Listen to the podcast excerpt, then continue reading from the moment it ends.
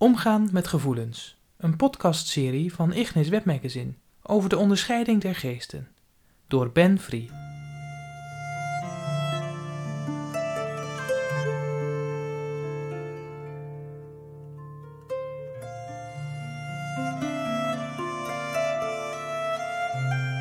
Inleiding.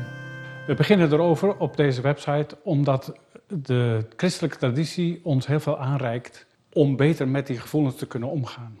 Op zich is het natuurlijk omgaan met gevoelens en met gedachten en met alles wat er binnenin je is universeel. Alle mensen hebben daarmee te maken. Iedereen zit daar soms mee. Het kan zijn dat je happy bent en dat er niks aan de hand is. Het kan zijn dat je helemaal inzakt en misschien zelfs depressief wordt.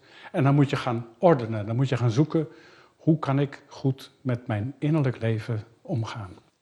Het kan zijn dat gevoelens als een zee over je heen komen en dat je er niks mee kunt. Maar de leer van de onderscheiding, dat is een woord wat in deze serie nog heel wat keren zal terugkomen. De leer van de onderscheiding helpt je juist om afstand te nemen, om het niet als een vloed over je heen te laten komen, maar te kiezen uit alles wat er in je beweegt en over je heen komt en zich bij je aandient. Dat je als het ware een zekere objectiviteit bereikt, naar de situatie kunt kijken en dan kunt kiezen, dat is een gevoel waar ik op in wil gaan en dat is een gevoel waar ik niet op in wil gaan.